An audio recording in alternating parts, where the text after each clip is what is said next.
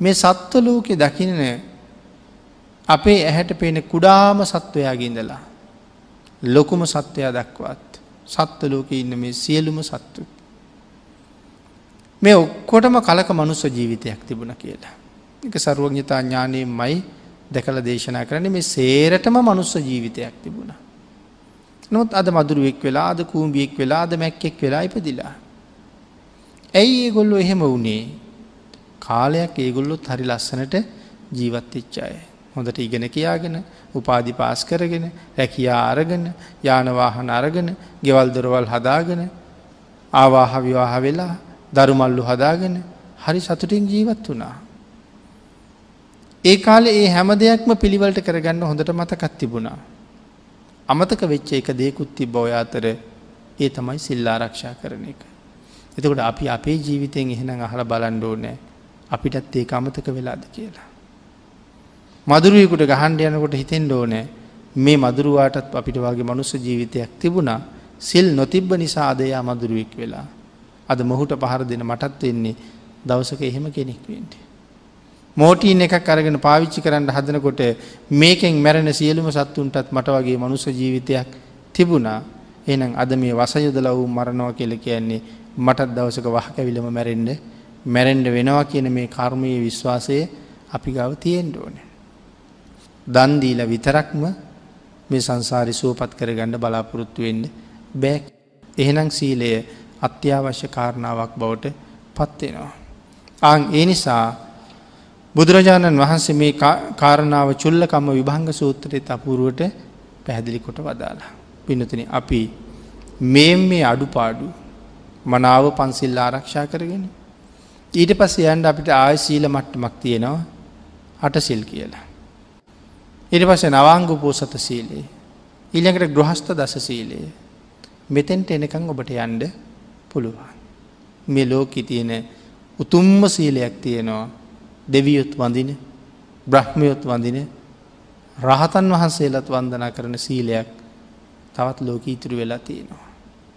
මතකද රහතන් වහන්සේලාගෙන් පවා වෙදුම් ලබන උතුම් සීලයේ. ඒකට කැන උප සම්පදා සීලය කියලා. සාමනේර ස්වාමීන් වහන්සේලත් රහත් වෙලා හිටිය. ගිහි අයත් රහත් වනා. ගිහි කෙනෙක් රහත් වනහම රහත්වෙච්ච දවසේම පැවිදි වෙන්ඩුවනේ. එහෙම නැත්තං පිරිනිවම් පාණ්ඩුවනේ. ඉතින් ගිහිව රහත් වෙලා සමහරය පැවිදි වුණා. ඉතින් එහෙම පැවිදිලත් උපසම්පදාවක් වනේ නැත්තං තාම රහත් වෙලා නැති නමුත් උපසම්පදාසීලයේ දරණ ස්වාමින් වහන්සේට ඒ රහතන් වහන්සේ වන්දනා කරන්න වන්දනා කරන්න ඕනේ. ඒකයි මංකිව රහතන් වහසේ ගෙනුත් වැඳුම් ලබන උතුම් සීලයක් තමයි උපසම්පදා සීලය කියන එක. ගෘහස්ත දස සීලයකුත් තියෙනවා. ඒ ගෘහස්ත දස සීලයට වඩා උතුම් තවත් දස සීලයක් තියෙනවා. ඒකට කැනෙ සාමනේර දස සීලය කියලා. ඔය අතර පින්නතින තවත් උතුම් සීලයක් තියෙනවා ඒකට කියන්නේ ආජීවාට්ටමක සීලය කියලා. එකත් බොහොම ගැඹුරු සීලයක්. බුදුරජාණන් වහන්සේ ඒ සීලය අනිවාර්යෙන් ආරක්ෂා කළ යුතුයි කියල පනවලා පනවලා නෑ. පනවලා නැත්තේ ඒක බොහොම ගැඹුරු සීලයක් නිසා. ඒ වුනාට මේ සිල් ආරක්ෂා කරපු අය හිටිය නැද්ද. ආජීවාට්ටමක සීලය ආරක්ෂා කරපු අය හිටපු නිසානේ එහෙම සීලයක් ඇවිල්ල තියෙන්නේ. එතකොට එහෙම සිල් ආරක්ෂා කෙරුවේ කවුද. පෙර මහබෝසතාණන් වහන්සේලා රැකපු සීලැක්කේක. පංච අභිග්ඥාෂ්ට සමාපත්ති ලබාගත් ඇතැම් අය රැකපු සීලයක් ඒක. අපි පිඩතුන් දන්නවා. අසිත කාල දේවල තාපසතුමා. අසිත කාල දේවල තාපසතුමා රැකපු සීලයත් ආජීවාට්ටමක සීලේ. ඉතින් අපි රැකින මේ අෂ්ටාංග සීලයට වඩා බොහෝම ඉහලයේ සීලයේ. ඉතාම සිහියෙන් ආරක්ෂා කරන්න ඕන සීලයක්. මේ නිවනට අදාළ නැතුව කතා කෙරෙන වචන මාතරයකින් බිදෙන්ට පුළුවන් සීලයක් ආජීවාට්ටමක සීලය කියන්. ඒකමයි භාග්‍යතුන් වහසේක පනවන්නේ පනවන්න නැත්තේ. කැමති කෙනෙකුට ආරක්ෂා කරන්න පුළුවන් නමුත් භාගිතුන් වහස පනවන්නේ පනවන්නේ නෑ. හැබැයි එහෙම සිල් රැකපු කෙනෙකුට වත් නිවන් දකින්න බැරි වුණා. ඒවාගේ මහා ගැඹුරු සීලයක් රැකලවත් තනියම නිවන් දකින්න බැරි වුණා. අසිත කාලදේවල තාපසතුමත් එවන් සීලයක් රැක්ක කියලා අපි සඳහන් කළා. පංච අභිග්ඥාෂ්ට සමාපත්ති දෙකම තිබුණා. දවල්ට මනුස්ස ලෝකෙන් කෑම කාලා ටිකක් විවේක ගණ්ඩ ගිය තවතිසාාවට. එහෙම කෙනෙ. ඒ වුණට බැරි වුණා මේ සසරින් මිදෙන මගට එන්ට. ඇයි බැරි වුණේ එතරම් උතුම් සීලයක ඉඳලා මුල තිබුණෙ නෑ. මොකක්දේ මුල එ මුල තමයි තිසරණ. බුදුරජාණන් වහස සිංහනාද කළේ එකයි මේ ශාසනයේ පළවෙනි ශ්‍රමණයත් මිනතම් මේ ලෝකේ පළවෙනි ශ්‍රමණයත් මේ ශාසනයමයි මේ ලෝකයේ අන්තිම ශ්‍රමණයත් මේ ශාසනයමයි මේ බුද්ධ ශාසනයෙන් පිට කිසිම ශ්‍රමණයක් පහළ වෙන්නේ නෑ කියලා.